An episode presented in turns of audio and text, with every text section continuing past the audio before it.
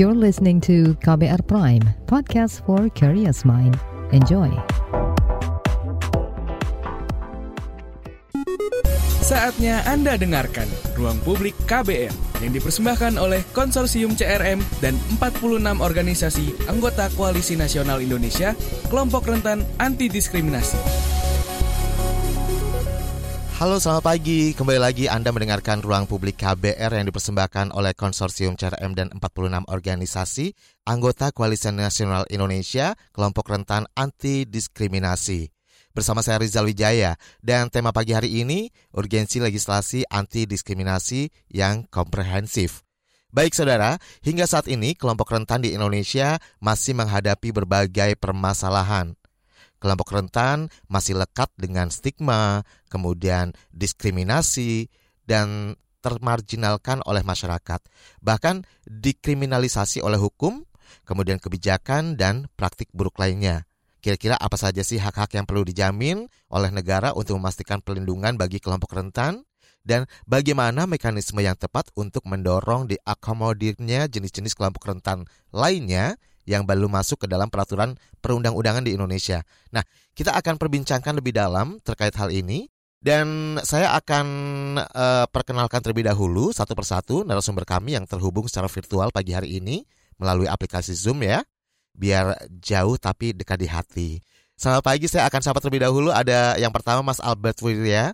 Ini sebagai tuan rumah ya yang punya hajat, yang punya talk show, riset dan program koordinator Lembaga Bantuan Hukum Masyarakat, merupakan perwakilan dari uh, eh, CRM Konsorsium. Selamat pagi Mas Albert. Pagi Mas Rizal. Sehat ya Mas Albert ya? Sehat, sehat. Dan kemudian ada Bapak Hari Kurniawan dari Komnas HAM. Selamat pagi Pak Hari.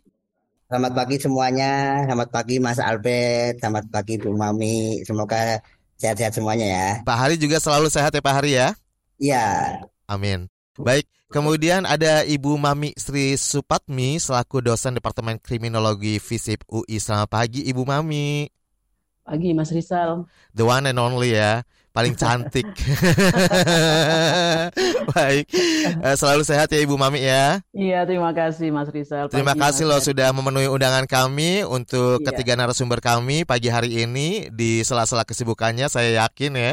Tapi tetap hmm, apa namanya meluangkan waktunya untuk berdiskusi di ruang publik KBR dan untuk pendengar semuanya yang tersebar di seluruh Indonesia. Baik, yang pertama ini uh, saya ke Mas Albert terlebih dahulu nih. Sebenarnya kira-kira apa nih yang membuat konsorsium CRM bersama Koalisi Nasional Kelompok Rentan Anti Diskriminasi mendorong legislasi anti diskriminasi yang komprehensif. Ini sesuai dengan tema kita pagi hari ini ya Mas ya. Silakan Mas Albert. Iya, makasih Mas Rizal. Mungkin untuk mengetahui alasannya gitu ya, kenapa kita melakukan itu, uh, mungkin perlu diceritakan sedikit tentang latar belakang konsorsium kami gitu. Kalau konsorsium Crisis Response Mechanism atau konsorsium CRM itu terbentuk pada tahun 2018 sebagai sebuah mekanisme koordinasi untuk menjawab sebenarnya kasus-kasus kekerasan, persekusi, dan diskriminasi yang dialami oleh kelompok dan komunitas LGBTIQ di Indonesia. Dalam perjalanannya, ketika konsorsium ini berkembang dan menangani banyak kasus, kami menyadari bahwa ada banyak kemiripan pengalaman dan interseksionalitas isu dengan identitas-identitas yang lain, terutama identitas-identitas uh, kelompok rentan yang lain. Misalnya penolakan di tempat kerja dialami juga oleh kelompok penyandang disabilitas. Diusir dari tempat tinggal uh, mirip juga dengan apa yang dialami oleh banyak kelompok minoritas agama. Dan di banyak kasus ini pelaku diskriminasi jarang sekali mendapatkan sanksi dan korban juga uh, jarang sekali mendapatkan hak atas pemulihannya realisasi atas kesamaan situasi inilah yang membuat kami belajar eh, bahwa dibutuhkan lebih banyak hukum yang inklusif dan komprehensif untuk bisa melindungi kelompok rentan. Jadi karena itulah Mas Rizal kami uh, menjalankan advokasi legislasi anti diskriminasi ini. Oke, nah cara M tentunya tidak uh, berdiri sendiri, maksudnya tidak bekerja sendiri ya dengan berbagai stakeholder lain juga. Nah, kira-kira kerjasamanya seperti apa nih yang yang yang sudah dilakukan? Iya, kami melakukan beberapa kali uh, dialog nasional. Uh, jadi bersama dengan perwakilan dari kelompok uh, masyarakat sipil yang lainnya, pro, uh, perwakilan dari kelompok rentan yang lainnya, kami uh, juga sudah melakukan beberapa kali diskusi dengan uh, pihak dari pemerintah, baik itu dari Kementerian Hukum dan HAM, dengan Komnas HAM juga pernah sebelum uh, periodenya Cawawa, uh, dan juga dengan beberapa uh, instansi negara yang lain seperti misalnya Kementerian Sosial dan uh, Kementerian Kesehatan gitu. Jadi uh, kami membangun dialog dialog dan juga uh, pada tahun ini juga kami membangun dialog dengan para akademisi uh, salah satunya Mbak Mamik untuk uh, mengajak teman-teman akademisi untuk membuat satu uh, bunga rampai berisikan artikel-artikel terkait dengan anti diskriminasi, kelompok rentan dan lain sebagainya. Oke, bunga rampai ya. Nah, Ibu Mami, ini boleh diceritakan nih terkait dengan bunga rampai ini, Bu Mami. Sebelumnya mungkin uh, sebagai salah satu penulis dalam bunga rampai ini ya, kira-kira apa yang mendorong Anda akhirnya tergerak untuk terlibat di dalamnya nih, Bu Mami? Ya, Mas Rizal. Uh, sebenarnya kebetulan saya di kriminologi itu juga mengajar mata kuliah yang sangat lekat dengan kajian-kajian uh, kelompok rentan, kelompok minoritas eh, tidak hanya perempuan dan anak, tapi juga minoritas eh, adat, eh, ke keyakinan, kepercayaan, juga minoritas eh, terkait dengan identitas gender dan seksualitas. Nah, ajakan teman-teman eh, CRM untuk menulis tentu eh, saya sambut dengan gembira karena memang saya rasa itu juga kewajiban dan tanggung jawab saya sebagai akademisi selain sebagai uh, orang yang memang uh, bekerja di isu itu di luar kampus. Jadi hmm. uh, saya percaya bahwa uh, tulisan itu juga punya kekuatan Mas Rizal. Demikian. Oke, mempunyai kekuatan ya tentu. Ya. Dan ini sudah ditunggu-tunggu banget pasti ya oleh uh, masyarakat Indonesia. Uh, nanti boleh lebih dalam lagi, tapi saya akan ke Pak Hari Kurniawan terlebih dahulu nih ya. Ini Pak Hari, apa sebenarnya yang sudah dilakukan oleh pemerintah dalam melindungi kelompok rentan yang tidak diakui kerentanannya dan bahkan didiskriminasi. Tadi di awal saya juga sudah eh, menyampaikan soal ini ya di pengantar. Ya, eh, baik. Kalau di Komnas HAM sendiri kan sudah ada standar norma ya, hmm. pengaturan terkait perlindungan terhadap kelompok rentan dan uh, kami berharap memang uh, dalam apa nafas inklusivitas itu karena saya sebelum di Komnas HAM juga sebagai aktivis difabel yang selalu uh, berbicara terkait dengan inklusi disabilitas itu juga tidak boleh melepaskan kelompok rentan terutama difabel karena difabel itu kan ada di semua di semua lini kehidupan. Makanya kami uh, bersembilan uh, apa namanya berkomitmen salah satu program awal enam bulan ke depan ini adalah bagaimana uh, memastikan upaya perlindungan bagi kelompok marginal dalam bahasa kami ya, di antaranya disabilitas, kemudian uh, migran care, kemudian kelompok-kelompok uh, LGBTQ dan uh, yang lain sebagainya. Karena memang uh, di awal-awal ini pun kita sudah me, me, apa namanya mendapatkan banyak pengaduan terkait uh, apa namanya kelompok rentan dan ini akan kita urai satu persatu dan kita berusaha agar mereka mendapatkan perlindungan maksimal sebagai uh, apa namanya pembela HAM begitu. Jadi otomatis aturan yang harus dibuat nanti kita mendorong pemerintah untuk membuat aturan itu secara, secara inklusivitas, jadi mengajak kelompok rentan uh, untuk apa namanya uh, dalam membuat aturan tersebut sehingga ketika kita mengajak ini kan ada ruang partisipasi hmm. terhadap kelompok rentan dan berharap ke depannya sudah tidak ada lagi eh, tindakan-tindakan uh, yang mendiskriminasi kelompok rentan tersebut, Mas. Begitu. Baik, mungkin bisa diinformasikan ke masyarakat luas terlebih dahulu. Uh, sebenarnya hak-hak yang uh, diakui ini uh, terkait dengan kelompok rentan ini seperti apa sebenarnya? Apa saja? Mungkin Pak Hari boleh dijelaskan terlebih dahulu banyak ya kalau kalau ngomong hak-hak apa uh. saja yang diakui ya terutama yang hak-hak yang terdapat di pasal 2728 Undang-Undang uh, dasar 1945 ya dari kalau di 28 sampai dari A sampai uh, apa L ya kalau nggak salah itu juga itu merupakan hak yang harus diakui karena mereka adalah hak konstitusional begitu. Uh, dan di, di kalau di dalam undang-undang disabilitas sendiri itu ada sekitar 20 hak ya yang diakui di Undang-Undang 8 2016 bahkan kalau di apa dijabarkan lagi itu jadi 30 hak di undang-undang disabilitas karena ada satu hak yang yang yang menjadi hak di disabilitas tidak tidak kemudian menjadi hak di non disabilitas terkait dengan akomodasi yang layak dan aksesibilitas. Ini hak konstitusional bagi kawan-kawan disabilitas. Itu jadi mulai hak, hak hidup, kemudian hak atas uh, apa namanya memilih apa beragama kayak gitu. Nah, dan berkeyakinan itu salah satu yang harus dilindungi. Okay. Uh, terus uh, hak atas uh, apa namanya dijauhkan dari penyiksaan, penghinaan, dan pelecehan. Itu juga uh, ada di dalam diatur di dalam undang-undang dasar 1945 dan juga Undang-Undang HAM 39 tahun 1999 begitu. Kalau dijabarkan semuanya satu persatu nggak cukup satu jam ya Pak ya? Nggak cukup satu jam. Baik dan uh, saya ke Mas Albert kembali Mas Albert. Sebenarnya bagaimana sih gambaran arahan perubahan advokasi legislasi anti diskriminasi yang komprehensif itu? Mungkin uh, bisa dijelaskan terlebih dahulu ya. Baik, terima kasih Mas Rizal. Jadi kalau kami melihat dari kerja-kerja kami dan uh, analisis situasi uh, sosial, hukum, dan politik sekarang, kami merasa bahwa legislasi anti diskriminasi yang ada uh, belum cukup komprehensif. Sejauh ini baru ada satu undang-undang yang spesifik yang membahas tentang penghapusan diskriminasi berbasis ras dan etnis. Uh, dan beberapa peraturan secara, secara parsial juga mengkategorikan tindakan diskriminasi sebagai tindakan pidana tapi pasal-pasal ini juga jarang digunakan dan kerap kali yang diperhatikan hanya individu ketimbang dari uh, kemungkinan ada diskriminasi ber, uh, menggunakan peraturan atau uh, kebijakan.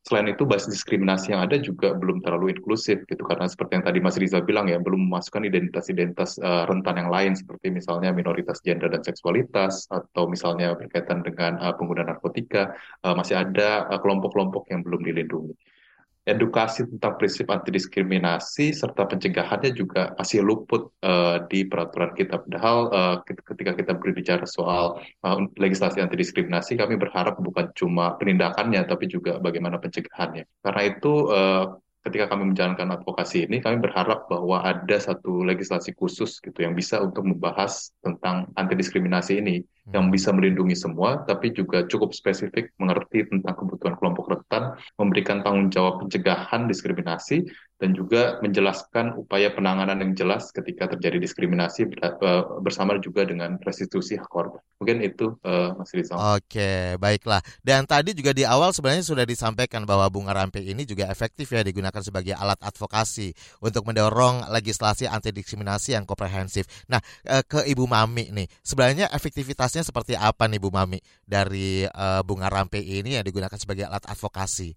Uh, iya, tadi uh, kami percaya bahwa uh, tulisan itu uh, punya kekuatan, uh, tapi tentu saja uh, kekuatan itu akan menjadi lebih uh, bermakna atau punya daya yang lebih kuat ketika perspektif dari orang-orang yang membaca itu juga uh, terbuka, Mas Rizal.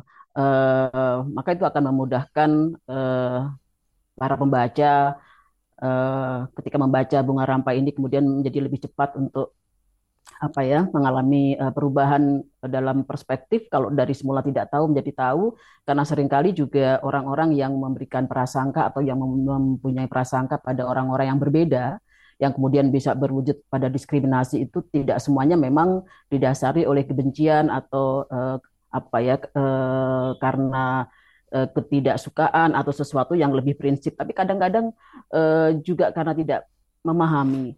Uh, jadi bunga rampai ini memberikan satu apa ya informasi-informasi pengetahuan-pengetahuan yang diharapkan membuat orang yang tidak paham atau kurang paham jadi paham dan kemudian bisa punya posisi.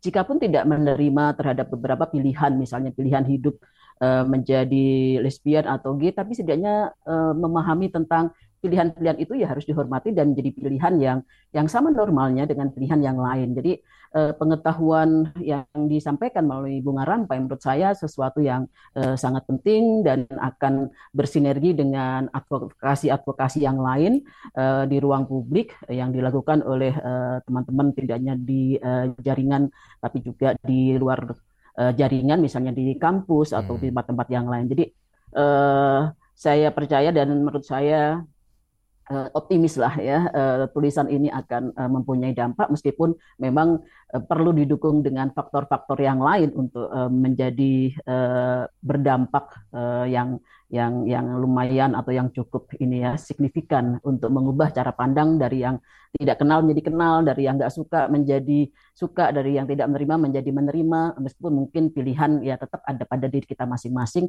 tapi menghargai uh, dan menerima adanya pilihan-pilihan itu dan memahami tentang adanya orang-orang tertentu yang uh, secara uh, terstruktur menjadi target-target dari pelanggaran hak asasi manusia, baik oleh aktor negara maupun non aktor negara. Pemahaman tentang hal ini saja menurut saya sudah sudah lumayan baik. Okay. Mas Rizal bisa membuka kita untuk berdialog ya, tidak didasari oleh prasangka prejudice yang dan apalagi stigma. Itu Mas Rizal okay. dari saya. Jadi uh, harapannya bisa meningkatkan kesadaran juga awareness di masyarakat ya. seperti itu ya Ibu ya. Iya Mas Rizal. Dan salah satunya upayanya ya bukan hanya melalui bunga rampe tulisan bunga rampe tersebut, tapi juga salah satunya adalah melalui talk show ruang publik pagi hari ini tentunya ya. Iya betul Mas Rizal. Terima kasih sudah diundang ya. Baik. Dengan ruang buat buat mendiskusikan hal ini. Yes, baik dan saya akan jeda terlebih dahulu, Bapak Ibu. Masih Anda dengarkan Ruang Publik KBR yang dipersembahkan oleh Konsorsium CRM dan 46 organisasi anggota Koalisi Nasional Indonesia, kelompok rentan anti diskriminasi.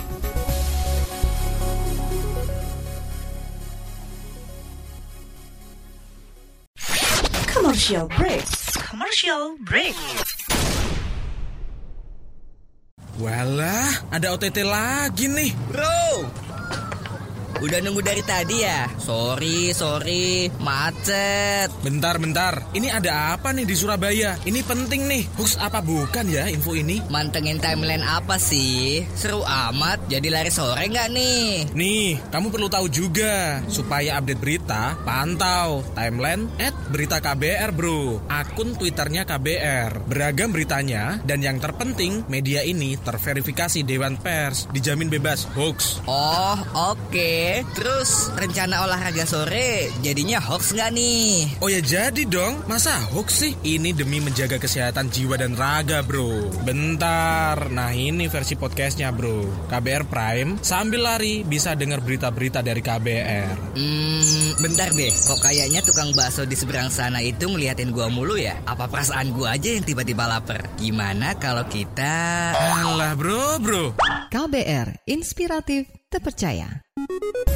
Masih Anda dengarkan Ruang Publik KBR yang dipersembahkan oleh Konsorsium CRM dan 46 organisasi anggota Koalisi Nasional Indonesia, kelompok rentan anti diskriminasi.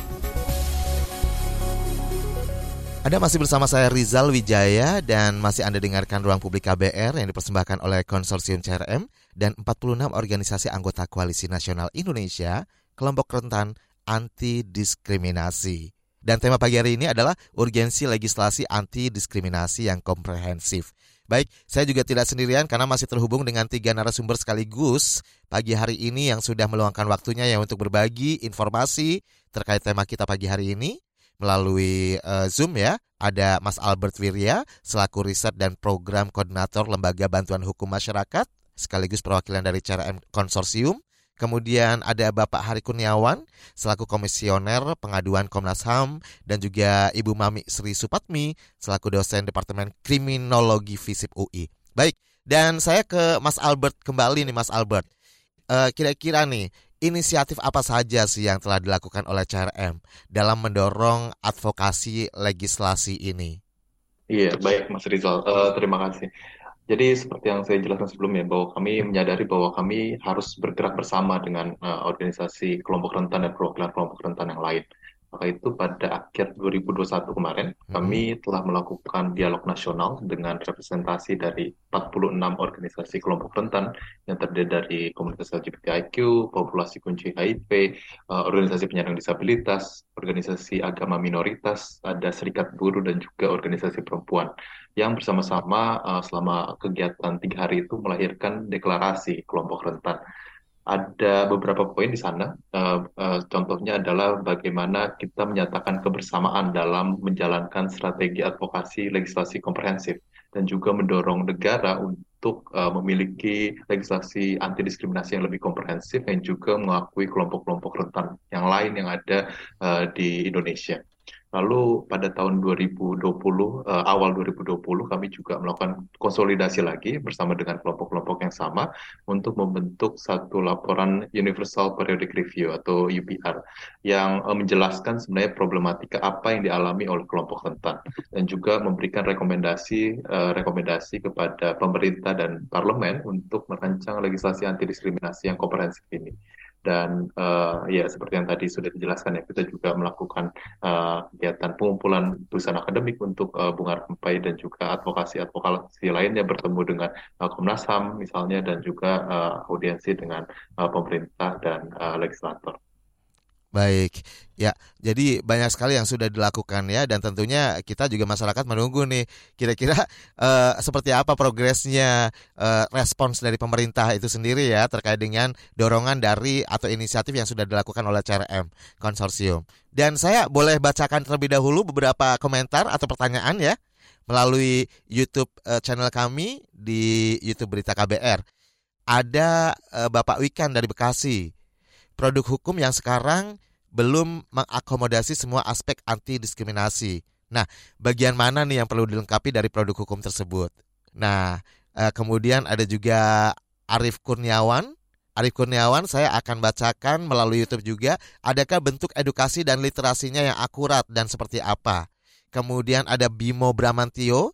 Apakah di RKUHP ada pasal-pasal spe spesifik atau pasal tertentu yang dirasa kurang mendukung atau bahkan melemahkan perlindungan kepada kaum rentan dan minoritas. Nah, mungkin dari ketiga pertanyaan ini boleh langsung dijawab satu persatu ya. Yang pertama bersama uh, siapa ya Pak Hari Pak Hari Kurniawan mungkin ya. Boleh jawab terlebih dahulu Pak Hari. Uh, baik, memang banyak kelemahannya ya di perundang-undangan kita terkait perlindungan kelompok rentan. Makanya uh, Komnas HAM di periode saat ini akan mendorong perubahan Undang-Undang 39 tahun 2000 eh tahun 99 nah, itu ter, untuk memasukkan uh, apa namanya dalam undang-undang tersebut uh, perlindungan terhadap pembela HAM. Hmm. Artinya kelompok-kelompok uh, rentan yang kemudian membela hak-haknya ini tidak bisa dikriminalisasi baik dituntut secara per, perdata maupun dipidanakan begitu. Nah ini sudah ada pembicaraan dengan koalisi masyarakat sipil sebelum kami di, dilantik sebagai uh, di diresmikan dan disahkan oleh DPR dan diresmikan oleh Presiden, kita uh, untuk ngomong tentang bagaimana me mekanisme pelindungan uh, bagi kelompok rentan di sini. Nah, uh, apa namanya dalam waktu dekat kita akan mencoba menyusun itu, mencoba menyusun uh, draft uh, perubahan Undang-Undang uh, 39 tahun 99 terutama uh, bagaimana kemudian memasukkan uh, apa namanya pelindungan upaya pelindungan terhadap kelompok rentan karena memang selama ini kan gampang dislap ya hmm. ketika kita menggugat uh, ke uh, pengadilan terkait misalnya di persoalan lingkungan dan sumber daya alam. Dan ini sangat rentan sekali bagi kelompok-kelompok masyarakat adat yang yang menjadi korban uh, kriminalisasi. Dan uh, dari beberapa hari ini aja uh, 80% aduan yang kita terima ya, yang ketemu dengan komisioner itu adalah sebagian besar 80% itu masyarakat adat. Artinya negara tidak peduli dengan keberadaan masyarakat adat. Nah ini yang harus diper, diperbarui di Indonesia bahwa kemudian satuan-satuan seperti masyarakat adat, kemudian uh, kelompok-kelompok rentan yang lainnya termasuk disabilitas ini adalah bagian dari warga negara. Kemudian di kasus PJS misalnya, ketika mereka melakukan upaya untuk membebaskan uh, dokter gigi seorang dokter gigi di Yogyakarta yang kemudian dipersekusi oleh keluarga korban.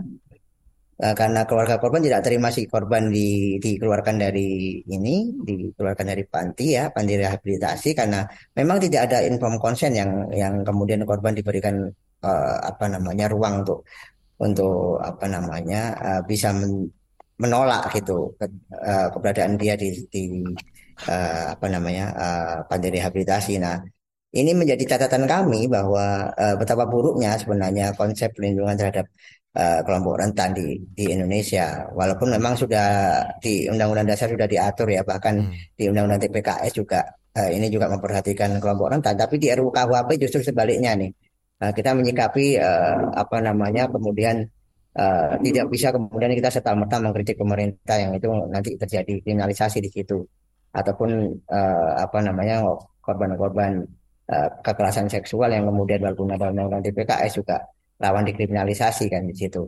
Nah ini yang yang harus uh, kita cermati di dalam RUU KUHP yang baru ini jangan sampai kemudian RUU KUHP yang sudah di tim uh, apa draftnya sudah dimunculkan oleh DPR di uh, awal November ini yang terbaru itu kemudian mengkriminalisasi kelompok rentan, okay. apalagi kaum LGBTQ kan gitu. Baik. Nah, itu kalau dari kami, Mas. Baik. Nah, saya ke Bu Mami, Bu Mami. kira-kira apa saja nih kekurangan dari kategori yang sudah ada dalam undang-undang yang mengatur kelompok rentan dan juga ini relate dengan pertanyaan-pertanyaan tadi yang sudah saya bacakan ya Bu Mami ya sekaligus menjawab ya Bu Mami ya. Ya Mas Rizal, uh, seperti tadi yang disampaikan oleh uh, Mas Hari Kurniawan, memang kita sangat lemah. Uh, di antaranya memang butuh uh, sepakat dengan apa yang disampaikan oleh Albert, kita memang butuh satu instrumen hukum yang lebih komprehensif, lebih rinci, dan tentu saja inklusif. Uh, inklusif di sini uh, hmm, salah satu yang menjadi apa ya menjadi persoalan karena instrumen-instrumen yang kita ratifikasi bahkan sangat banyak sekali kita Indonesia termasuk negara yang paling rajin meratifikasi perjanjian-perjanjian internasional. Tapi kemudian kalau kita cari tahu atau kita telah bagaimana prakteknya, kita sangat jauh dari uh, praktek-praktek uh, instrumen-instrumen itu. Nah, dalam instrumen-instrumen nasional seperti di dalam Undang-Undang 39 uh, 99 dan kemudian instrumen-instrumen yang lain, definisi kelompok rentan itu sangat sangat eksklusif, sangat terbatas. Hanya bicara tentang perempuan, anak, lansia, kemudian juga uh, etnis, tetapi uh, bagian yang lebih uh, luas seperti orang-orang yang hidup dengan HIV, kemudian orang-orang dengan minoritas identitas uh, gender yang yang berbeda dari yang kebanyakan orang uh, itu belum dimasukkan, belum disebutkan. Kemudian masyarakat adat kita juga sampai hari ini masih menunggu bagaimana uh, Dewan yang terhormat itu mengesahkan Undang-Undang Perlindungan Masyarakat Adat. Jadi Hmm. Ada beberapa hal yang diatur tetapi prakteknya sangat jauh. Tapi ada beberapa yang ya, isu kelompok rentan yang bahkan tidak diatur, apalagi dalam prakteknya tentu jauh dari uh, perlindungan. Nah tadi memang perlu diperluas uh, pada kelompok-kelompok yang memang secara faktual dalam kenyataannya mengalami kerentanan yang uh, lebih dari kelompok-kelompok uh, atau identitas-identitas lain, di antaranya tadi masyarakat adat, okay. kemudian kelompok uh, minoritas uh, keyakinan atau belief, kemudian uh, minoritas seksual dan identitas gender, uh, itu harus uh, masuk, termasuk juga teman-teman yang hidup dengan HIV, oh, dengan HIV gitu, itu juga harus menjadi bagian dari uh, kelompok rentan karena faktanya memang uh, mereka sehari-hari uh, tidak hanya oleh negara tapi juga aktor non negara dan diabaikan oleh negara menjadi uh, target uh, kekerasan Mas Rizal. Lagi-lagi seperti yang disampaikan di awal ya kurang spesifik ya Ibu ya. Iya perlu lebih detail spesifik Betul. dan uh, rekognisinya itu jelas itu Mas hmm. dan uh, tadi uh, sebenarnya banyak data yang uh, bisa menjadi dasar bagi negara untuk uh, mengidentifikasi kelompok-kelompok rentan yang selama ini belum dimasukkan di dalam uh, instrumen HAM bahkan dalam Undang-Undang 39 99. Jadi mungkin harapan uh, saya tidak hanya memasukkan perlindungan pada pembela HAM ya Mas Bapak, hmm. tapi juga uh, pada kelompok-kelompok rentan yang lain yang juga sebenarnya sudah direkognisi oleh Komnas HAM tapi uh, tidak ada atau belum ada di dalam Undang-Undang 39 tahun 99. Begitu Mas Rizal. Permasalahannya apa ya kira-kira? Oke, okay. nah, ya sabar iya, Bu. Sabar Bu. Politik, sebelum sebelum itu menjawab ya dan juga saya nanti akan uh, uh, minta tanggapan dari Mas Albert ya. Tapi sebelumnya saya sudah terhubung dengan salah satu penelpon nih yang ingin ikut bergabung juga ada Anto di Jakarta. Selamat pagi Anto. Halo, selamat pagi. Silakan Anto, langsung saja ke pertanyaan. Baik. Uh, saya ingin bertanya, apakah selama ini undang-undang KUHP sudah cukup mengakomodir kebutuhan kelompok rentan di Indonesia? Kalau belum, poin-poin apa yang perlu diperbaiki? Oke, terima kasih ya Mas Anto ya. Ya, sebenarnya tadi uh, apa ini menjadi pertanyaan banyak orang ya masyarakat kita ya, Ibu, Bapak, Mas Albert. Makanya perlu nanti dijabarkan lebih dalam lagi. Saya juga minta pendapatnya dari Mas Albert. Jangan ke mana-mana, tetap di ruang publik KBR bersama saya Rizal Wijaya. Masih Anda dengarkan Ruang Publik KBR yang dipersembahkan oleh Konsorsium CRM dan 46 organisasi anggota Koalisi Nasional Indonesia, Kelompok Rentan Anti Diskriminasi. Sudah setengah perjalanan kita ya di ruang publik KBR pagi hari ini nggak terasa loh. Dan masih bersama saya Rizal Wijaya dengan tema urgensi legislasi anti diskriminasi yang komprehensif. Dan tentunya bersama narasumber kami yang terhubung secara virtual ya melalui aplikasi Zoom. Ada Mas Albert Wirya, riset dan program koordinator Lembaga Bantuan Hukum Masyarakat, kemudian Ibu Mami Sri Supatmi selaku dosen Departemen Kriminologi FISIP UI dan juga Bapak Hari Kurniawan dari Komnas HAM ya. Baik, dan uh, saya ke Mas Albert terlebih dahulu. Mas Albert boleh menanggapi beberapa pertanyaan tadi termasuk adalah yang terakhir melalui penelpon ya bahwa ada yang menanyakan Mas Anto di Jakarta selama ini undang-undang KUHP apakah sudah mengakomodir uh, kebutuhan dari kelompok minoritas atau kelompok marginal gitu ya. Silakan. Iya, terima kasih uh, Mas Rizal dan juga Mas Anto. Terima kasih atas pertanyaannya. Kalau untuk jawaban singkatnya sih mungkin enggak ya Mas. Tapi kan uh, itu harus singkat padat berisi ya. Enggak. singkat padat berisi. Tapi mungkin kan perlu ada banyak uh, apa ada banyak alasan kenapa itu tidak berjalan gitu dan uh, KUHP mungkin hanya salah satu perangkat yang dimiliki negara untuk melindungi warga negaranya gitu. Jadi uh, harusnya tidak bisa dilepaskan dari keberadaan peraturan-peraturan lainnya, hukum-hukum lainnya dan kebijakan-kebijakan lainnya. Namun kalau misalnya kita berbicara soal KUHP yang sekarang kita gunakan gitu ya, ada beberapa pasal yang sebenarnya uh, potensial untuk melindungi kelompok rentan. Tapi beberapa pasal ini juga uh, sering kali tidak dipakai gitu. Misalnya di KUHP sekarang ada pasal tentang perampasan kemerdekaan. Tapi uh, di banyak kasus, misalnya uh, bagi kelompok rentan, terutama orang dengan disabilitas psikososial gitu, hmm. banyak yang mereka dikurung di uh, rumahnya, banyak dikurung di panti, banyak dipasung gitu, dan uh, tidak pernah tuh pasal ini digunakan sebagai sanksi pada orang-orang yang melakukannya. Uh, lalu ada juga pasal-pasal yang ada di KUHP ataupun di undang-undang yang lain ya berkaitan dengan pasal pidana yang akhirnya malah memberikan kerentanan ekstra untuk uh, kelompok uh, minoritas gitu. Saya kita lihat ada di undang-undang pornografi kita lihat ada di Undang-Undang ITE gitu yang sangat uh, destruktif terhadap uh, dampaknya terhadap uh, banyak kelompok rentan, terutama kelompok uh, minoritas uh, seksualitas dan gender gitu yang memberikan uh, mereka kemungkinan untuk dikriminalisasi dan mendapatkan perlakuan buruk lainnya. Ini ya dimaksud uh, dengan dan, kerentanan ekstra ini ya? Betul, kerentanan okay. ekstra ini. Dan uh, kalau misalnya kita mau berkaca itu dan uh, melihat uh, apakah solusinya adalah revisi KUHP, nah kita mungkin harus uh, berhati-hati juga gitu karena kalau draft yang sekarang ada seperti yang tadi Cawa udah sempat sebutkan ya, bahwa ada banyak pasal yang mungkin masih uh, kontroversial, masih ambigu dan mungkin dampaknya juga masih besar terhadap uh, kelompok rentan. Misalnya ada uh, ada pasal tentang uh, hukum yang hidup di masyarakat, itu yang mana uh, uh, tujuannya uh, mungkin baik ya untuk mengakomodir nilai-nilai adat dan hukum-hukum yang ada yang uh, sudah berjalan bertahun-tahun sebelum uh, Indonesia ada uh, di masyarakat. Tapi kalau misalnya itu tidak didefinisikan secara pasti, itu bagaimana itu bisa melindungi eh, orang-orang uh, yang ada di dalamnya gitu. Dan ada juga pasal-pasal berkaitan dengan kesusilaan yang lagi-lagi uh, mendefinisikan aktivitas seksual yang dilarang berdasarkan hukum yang ada di masyarakat. Gitu. Hmm. Jadi ini memberikan celah yang cukup besar bagi negara untuk melakukan kriminalisasi terhadap uh, kelompok rentan dengan demikian kami merasa bahwa perlindungan terhadap kelompok rentan itu tidak melulu harus disandarkan kepada uh, hukum pidana uh, eh, KUHP ataupun RKUHP. Gitu. Ada edukasi yang penting, ada uh, pencegahan yang perlu dilakukan, ada mekanisme-mekanisme uh, misalnya restitusi korban yang juga perlu untuk dipikirkan gitu yang tidak hanya melulu berkaitan dengan pidana. Dan kami berharap bahwa itu yang uh, bisa kita gunakan uh, di kemudian hari untuk melakukan advokasi. Oke. Okay. Jadi bukan fokus kepada eh, revisinya ya Mas ya, tapi justru iya, mening ya, meningkatkan uh, pengetahuan pemahaman kepada masyarakat kita ya. Nah, uh, Bu Mami, saya penasaran nih Bu Mami, sebenarnya perlu nggak direvisi? Kalau menurut Bu Mami nih, apa, apa namanya pandangan Bu Mami gitu ya? Eh, yang apa yang direvisi Mas Riza? Ya KUHP itu tadi. Oh KUHP-nya kita yang sekarang an aja ini sudah puluhan tahun yang dari zaman Belanda ya Bu ya.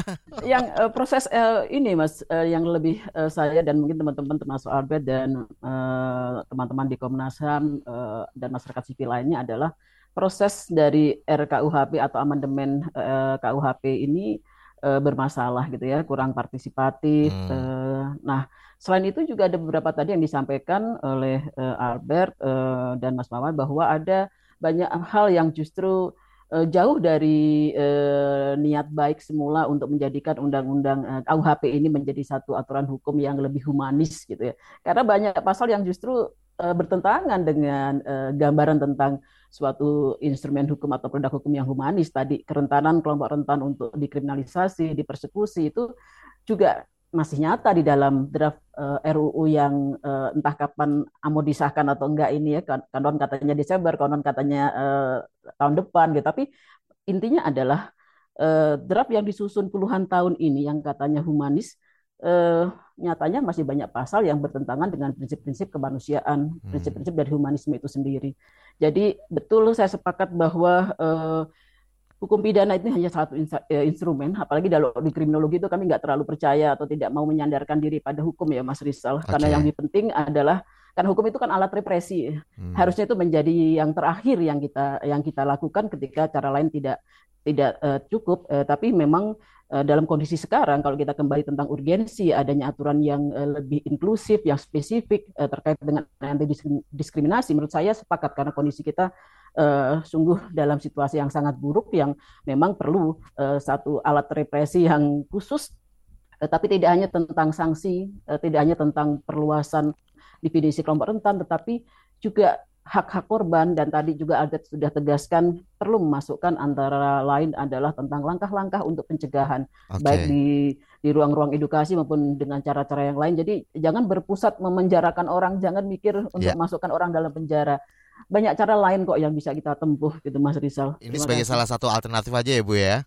Iya, Baik. salah satu alternatif dan cara lain, tapi eh, dengan mengingat kondisi draft terakhir dari RUU KUHP kita yang masih banyak masalah, maka janganlah kita terlalu eh, ini ya menaruh harapan besar eh, untuk kemudian dikit-dikit merevisi undang-undang. Biayanya juga besar sekali. Kan, Benar. Nanti makin kompleks ya Bu ya. Iya, buntutnya panjang sekali. Aduh. Mas. Baik, ujung-ujungnya duit DUD. Ya, betul, Mas. Belum Baik. tentu agenda kita bisa disampaikan ya, tapi yes. duitnya sudah udah bocor ke mana-mana, Mas Rizal. Nah, kalau Pak Hari Kurniawan nih, bagaimana sih sebenarnya peluang pembentukan legislasi ataupun kebijakan tentang anti diskriminasi yang komprehensif dari sudut pandang pemerintah itu sendiri? Iya, uh, kalau dari sudut pandang pemerintah kan sebenarnya kalau ngomong di kelompok disabilitas kan memang ada pergeseran ya dari yang kemudian model karitatif ataupun model medis kemudian menjadi model human rights. Artinya kalau ngomong model human rights bahwa kebijakan-kebijakannya tidak boleh segregasi secara khusus dan kemudian uh, memisahkan hmm. uh, apa namanya kelompok rentan yang satu dengan kelompok rentan yang lain. Yang namanya inklusif berarti di situ dalam satu kebijakan harus mengatur seluruh kepentingan atau kebutuhan kelompok rentan begitu. Nah, uh, seperti halnya di RUU KUHP itu sangat-sangat uh, diskriminasi bagi kawan kawan-kawan, terutama kawan-kawan korban kekerasan seksual misalnya. Yang ini kemudian menjadi rentan mereka dikriminalisasi tidak hanya untuk disabilitas, tapi kemudian uh, non disabilitas ketika uh, apa harus ada saksi dan sebagainya. Nah, nah ini yang harus diperbarui bahwa semangat kita adalah semangat inklusivitas Uh, kemudian Indonesia punya tagline di 2030 akan menjadi negara yang inklusif. Tapi sampai hari ini pun tindakan-tindakan inklusif dari pemerintah itu uh, tidak apa uh, belum uh, masih sedikit kelihatan dan dan itu juga uh, perlu perbaruan sistem di mana pun karena memang di kelompok disabilitas sendiri misalnya ternyata Undang-Undang 8 2016 tidak pernah disosialisasikan secara baik hmm. oleh oleh pemerintah pusat kepada pemerintah daerah bahkan uh, ketika ngomong membahas rencana aksi daerah misalnya uh, penyandang disabilitas yang disusun oleh Bapeda.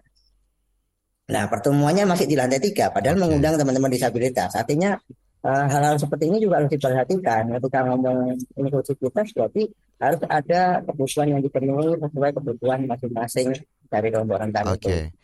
Itu mas. Kalau perlu dibikin talk show kayak gini ya, biar semua orang iya. dengar ya nggak sih?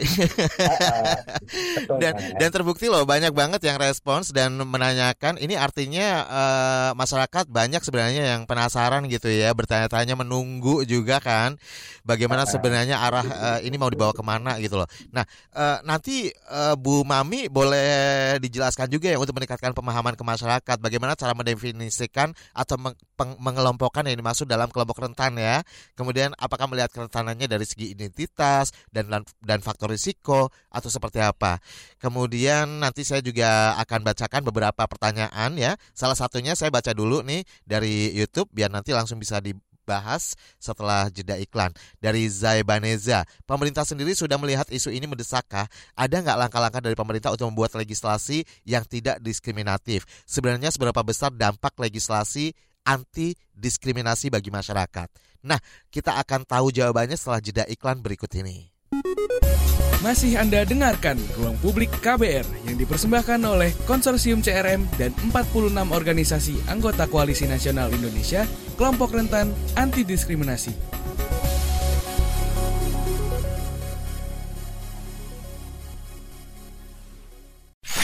Commercial break. Commercial break.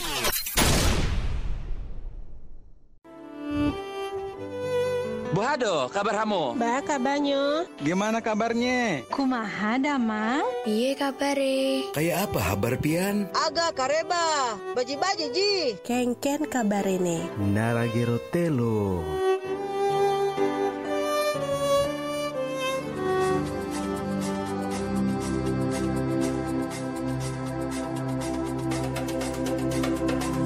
Indonesia yang sangat kita cintai ini begitu kaya, mulai dari alamnya, budayanya, sampai bahasanya. KBR Prime menghadirkan cerita tentang keberagaman Indonesia lewat teman seperjuangan. Berkolaborasi dengan Sabang Merauke, sebuah komunitas anak muda yang giat mendorong toleransi di Indonesia. Karena berbeda itu biasa, karena berbeda itu asik. Teman seperjuangan hanya ada di kbrprime.id. KBR Prime, podcast for curious mind. Masih Anda dengarkan Ruang Publik KBR yang dipersembahkan oleh Konsorsium CRM dan 46 organisasi anggota Koalisi Nasional Indonesia, kelompok rentan anti diskriminasi. Tidak terasa ya, ini bagian akhir ruang publik KBR pagi hari ini yang membahas urgensi legislasi anti diskriminasi yang komprehensif.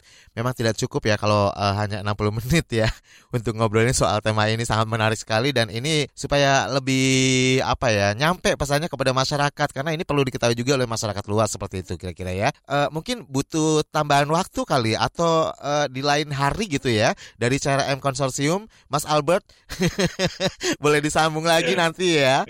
Eh. Oke siap mas. Bikin berapa kali episode gitu? Iya ya, bikin berapa kali episode gitu kan? Baik. Siap, nah siap. kali ini saya akan coba menagih dulu untuk pertanyaan dari tadi Z ya melalui YouTube. Tapi sebelumnya ada penelpon ternyata. Ada penelpon dari Nia di Jakarta. Selamat pagi Nia. Halo, selamat pagi. Iya, silakan Nia. Iya, terima kasih. Aku mau bertanya, Pak Rizal, kalau kita sebagai generasi Z, supaya bisa menghilangkan diskriminasi di keliling kita yang ada saat ini seperti apa ya?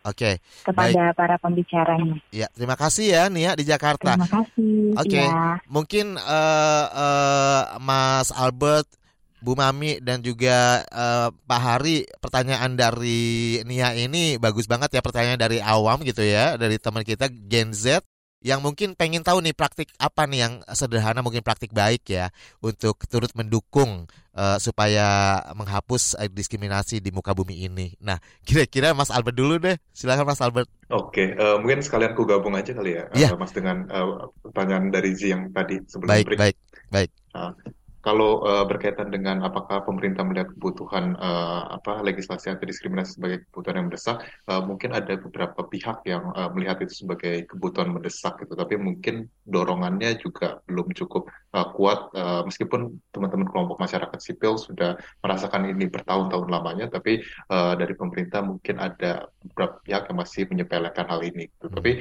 uh, mungkin salah satu langkah yang uh, pemerintah melalui Kementerian Hukum dan HAM uh, sudah mulai inisiasinya adalah revisi uh, Undang-Undang HAM uh, 39 tahun uh, 1999 yang di salah satu pasalnya berkaitan juga dengan definisi kelompok rentan. Itu karena kalau sekarang definisi kelompok rentannya masih hanya eksklusif uh, ke penyandang disabilitas, uh, lansia, ibu hamil dan anak gitu. Jadi uh, belum mencangkup ke kelompok-kelompok rentan lainnya. Makanya ini perlu kita dorong bersama ya Mas Rizal untuk ada uh, ada urgensi, ada kebutuhan uh, yang bisa didengarkan juga oleh pemerintah sehingga definisi kelompok rentan ini bisa uh, lebih komprehensif dan inklusif kepada eh, identitas-identitas uh, yang selama ini termarginalkan.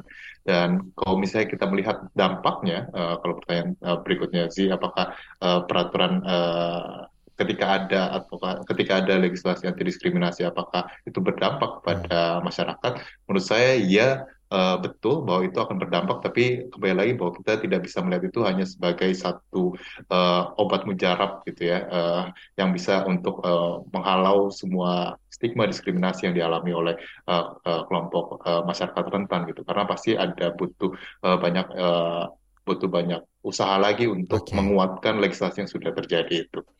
Mungkin untuk uh, pertanyaan Nia singkat saja, mungkin ini subjektif bagi saya ya. Kalau uh, sebagai teman-teman generasi muda, bagaimana caranya berperan gitu. Dan uh, mungkin uh, Nia bisa juga memulai dari uh, mengetahui uh, lebih dalam mengenai isu-isunya uh, saya pikir banyak uh, organisasi masyarakat sipil di Indonesia yang uh, sudah membuka kursus-kursus, uh, membuka, uh, memberikan banyak in, produk informasi berkaitan dengan apa yang terjadi dengan kelompok rentan, dan mungkin juga bisa nanti ketika bunga kampanye sudah terbit, mungkin dia juga bisa uh, tertarik untuk membaca dan mengetahui lebih dalam dan juga uh, di banyak uh, masyarakat sipil, organisasi masyarakat sipil, CSO juga banyak membuka kesempatan bagi teman-teman generasi muda dari generasi Z untuk uh, berpartisipasi menjadi sukarelawan atau okay.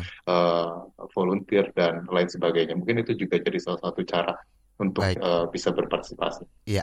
Dan uh, menjawab pertanyaan saya juga nih uh, Bu Mami penting juga bagaimana cara mendefinisikan atau mengelompokkan yang masuk dalam kelompok rentan. Apakah melihat kerentanannya dari segi identitas dan faktor risiko atau seperti apa sih? Iya Mas Rizal, uh, betul. Uh, kita uh, salah satu caranya adalah dengan mengidentifikasi kelompok rentan dari identitas atau karakteristiknya yang uh, dalam praktek sehari-hari memang mengalami uh, kerentanan atau mengalami serangan atau mengalami bentuk-bentuk pengucilan, pembedaan, eh, eh, eksklusi sosial yang berbeda dari komunitas atau kelompok-kelompok yang lain. Jadi memang ada orang-orang tertentu, kelompok tertentu yang karena dia berbeda warna kulitnya saja, hmm. berbeda keyakinannya saja, itu kemudian diperlakukan tidak hanya dibedakan, tapi dikucilkan dan kemudian dibatasi. Hmm. Nah, tentu uh, banyak penelitian yang bisa digunakan untuk mendukung atau menguatkan argumentasi ini. Uh, bagaimana identitas tertentu, karakteristik tertentu yang kadang uh, itu terlahir given gitu, tapi ada orang-orang lain yang kemudian meresponnya menjadi sesuatu yang uh, uh, sah untuk direndahkan, uh, dianggap tidak hanya berbeda tapi direndahkan bahkan uh, dianggap bukan manusia yang setara dengannya. Nah, eh, ini terjadi karena adanya prasangka, prasangka-prasangka atau prejudice eh, tertentu terhadap orang-orang yang berbeda. Jadi kalau eh, terkait dengan pertanyaan eh, Nia atau eh, teman-teman lain yang eh, bagaimana cara kita menghapus atau melawan diskriminasi, ya maka kita harus hapuskan prasangka-prasangka cara pandang kita yang dari diri kita sendiri dimulai iya, ya Mbak ya Bu. Prasangkai ya dan Baik. menyebarkan dari kelompok-kelompok kecil juga sih Mas Rizal kalau okay. teman-teman kan mainnya medsos ya. Betul. Nah, mulailah dengan mulailah dengan menyebarkan nilai-nilai yang eh, non diskriminatif yang menghargai perbedaan, merayakan perbedaan okay. sebagai suatu kekayaan ya bukan Dari, daripada captionnya sedih-sedih mulu ya Bu ya. Iya. iya Mas Rizal. Berbeda itu kan ini ya okay. warna itu kan men, me, ini ya menyenangkan ya Mas Baik. Rizal ya. Gitu Baik. Sih, Mas. Nah, uh, saya minta closing statement terlebih dahulu sedikit saja singkat saja waktunya terbatas ya Pak Heri Kurniawan dari Komnas HAM. Silakan. Baik, uh, tadi udah banyak disampaikan oleh dua pembicara sebelumnya Mas Abed dan Mbak Mami ya. Uh, intinya kalau di internal Komnas HAM kami sudah membuat SNP termasuk SNP standar uh, nasional pengaturan pembela HAM termasuk di dalamnya ada SNP uh, apa namanya untuk di apa ras dan etnis ya yang di situ dalamnya adalah perlindungan terhadap kelompok-kelompok rentan jadi ada serial enam serial SNP yang sudah diterbitkan oleh Komnas HAM dan kita sudah menyampaikan ke ke kementerian lembaga uh, dan uh, kemudian uh, kalau ngomong bagaimana harus Gen Z ya generasi Eh, Z itu uh, berlaku seperti apa terhadap kelompok rentan ya seperti halnya dalam dasar dasar Dharma Pramuka yang nilai 10 yang ke-10 yaitu suci dalam pikiran, perkataan dan perbuatan. Baik. Artinya ketika kita uh, harus suci dalam pikiran dalam konteks intoleransi, kemudian dalam perkataan dan dalam perbuatan sehingga ketika okay. kita apa tidak apa uh, kemudian tidak berlaku secara intoleransi maka uh, itu merupakan salah satu cara untuk menghormati hak-hak uh, kelompok rentan yang ada di Indonesia. Baik. Begitu, Mas. Terima kasih Pak Heri Kurniawan dari Komnas HAM dan juga Ibu Mami dan juga tentunya Mas Albert. Sebenarnya pengen banget nih masih ngobrol-ngobrol lagi ya, tapi benar-benar waktunya terbatas. Saya sudah diginiin terus sama produser kami. Mohon maaf ya, Mas Albert, Bu Mami, dan juga Pak ya, Hari Kurniawan. Ya. Salam sehat ya, selalu. Terima kasih ya. semuanya dan terima kasih buat Anda yang sudah mendengarkan juga. Ya. Saya Rizal Wijaya. Salam. Baru saja Anda dengarkan Ruang Publik KBR yang dipersembahkan oleh Konsorsium CRM dan 46 organisasi anggota Koalisi Nasional Indonesia, kelompok rentan anti diskriminasi.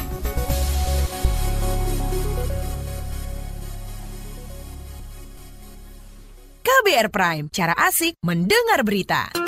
KBR Prime, podcast for curious mind.